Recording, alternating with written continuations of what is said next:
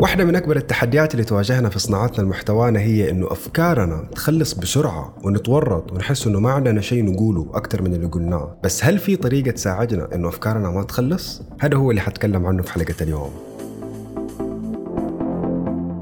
أهلا مرة أخرى أنا فواز واليوم حنتكلم عن موضوع مرة رهيب هو إنه كيف أفكارنا ما تخلص في البداية خلونا نتفق إنه في صناعة المحتوى وفي جلسة كتابة المحتوى مو في هذه الجلسة إحنا نكتب المحتوى. المحتوى هو الأفكار اللي بتراودنا خلال يومنا أصلا ونقدر إننا نسوي بيها بوستات. فكل اللي علينا نسويه هو إننا نسجل الأفكار اللي بتراودنا خلال اليوم في نوت ولاحقا نستفيد من هذه الأفكار في صناعة محتوانا. بس مو لما تجي تقرر وتقول يلا أنا في هذه الجلسة بكتب بوستات الأسبوع كله في جلسة واحدة.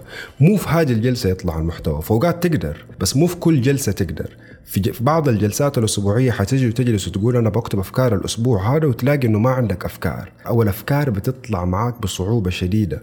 في حين المفروض إنه الأفكار ما تكون بالصعوبة هذه. خصوصا إذا عرفنا أنه مو بالضرورة أننا نشارك معلومات دائما نقدر نشارك آراءنا في المعلومات وآراءنا مرة مهمة وتساعد بالتعريف بينا وتساعد بالتعرف علينا أكثر بالتعرف على طريقة تفكيرنا. وطريقة تفكيرنا دي لما يتم تصديرها ويتم استقبالها من الطرف الثاني إذا طريقة تفكيري بتتشابه مع طريقة تفكيره الثقة تصير أسرع الفهم يصير أسرع. إحنا هذا اللي بيخلينا نحب بعض في سوالفنا في حياتنا اليومية إنه في ناس يقدروا يكملوا كلامنا وفي ناس نقدر نحن نكمل كلامهم لأننا متفقين. حتى لو ما كنا متفقين برضو نقدر نتكلم بطريقة حلوة ونحترم بعض ونظل فاهمين بعض. وأكثر شيء نحبه هو إننا نظل مفهوم مفهومين لبعض. مو بالضرورة إنك توافقني دائما مو بالضرورة أوافقك دائما إذا كنا بنوافق بعض دائما فين الإثراء؟ إذا كل كلامي هو كل كلامك what's the point إنه ليه بنتكلم نحن بنشبه بعض بالضبط. إنه ما حيكون في تدافع ما حيكون في إلهام أكثر ما حيكون في إنه فكرتك بفكر فيها أكثر بسرح فيها أكثر أو إنه أنا فكرتي تقول عنها إنه حاسس إنها ما هي صح بس ما أدري خليني أفكر. وممكن من جد نفكر في أفكار بعض ونكتشف إنها يا فيها وجه صحة. أقدر أخذ بالفكرة هذه. ما كنت أؤمن بيها بس اكتشفت إنها لا فيها وجهة نظر. فالآراء مرة مهمة وعشان تعطي آرائك في مواضيع كل اللي تحتاجه بس إنه يكون في موضوع قدامك بس. إنه لما يكون في موضوع تقدر تعطي رأيك فيه. ونحن في حياتنا اليومية معرضين لمواضيع كثيرة. في ال social media في الكتب في البودكاستات في السوالف وأيضا في جلساتنا مع عملائنا.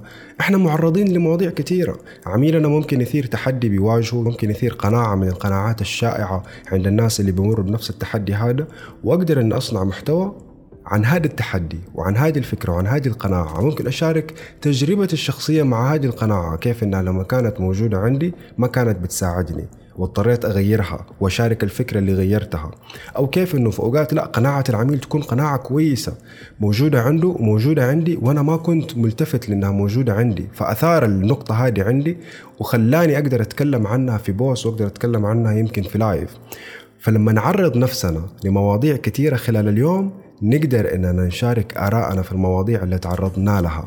باقي بس إننا نكون واعيين بإننا بنتعرض لمواضيع كثيرة خلال اليوم وإنه already بيصير داخلنا reaction يصير داخلنا ردة فعل تجاه الفكرة. إنه هو لما قال كده أنا ترى جات في بالي الصور هذه والقصص هذه والأفكار هذه. الأفكار هذه والقصص هذه تقدر إنك تسجلها في notes ولاحقا تجي تاخذ كل فكرة من ال notes وتسوي بيها بوستات ببساطة شديدة.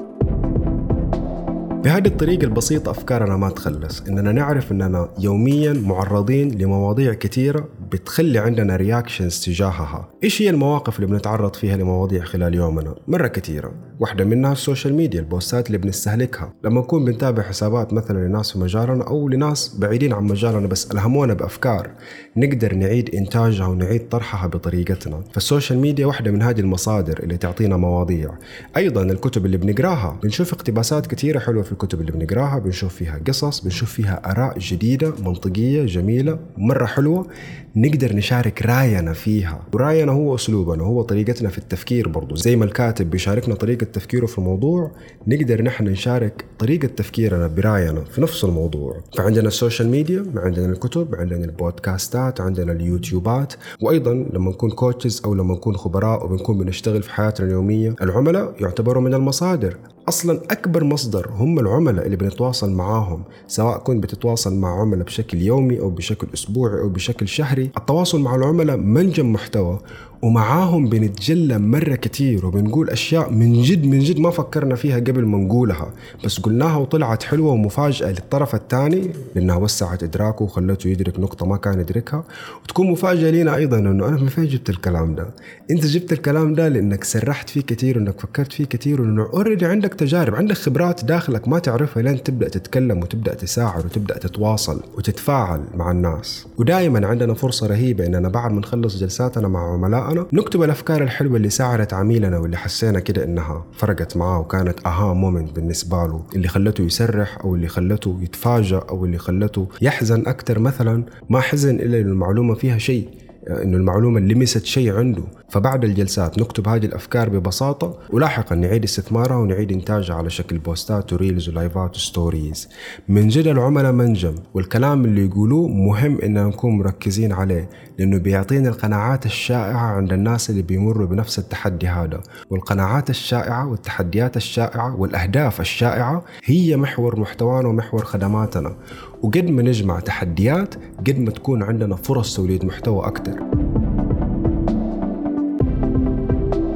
أيضا من الطرق اللي نخلي بيها أفكارنا ما تخلص هي إننا دائما نطرح أسئلة ونجاوب عليها مع نفسنا على الأقل.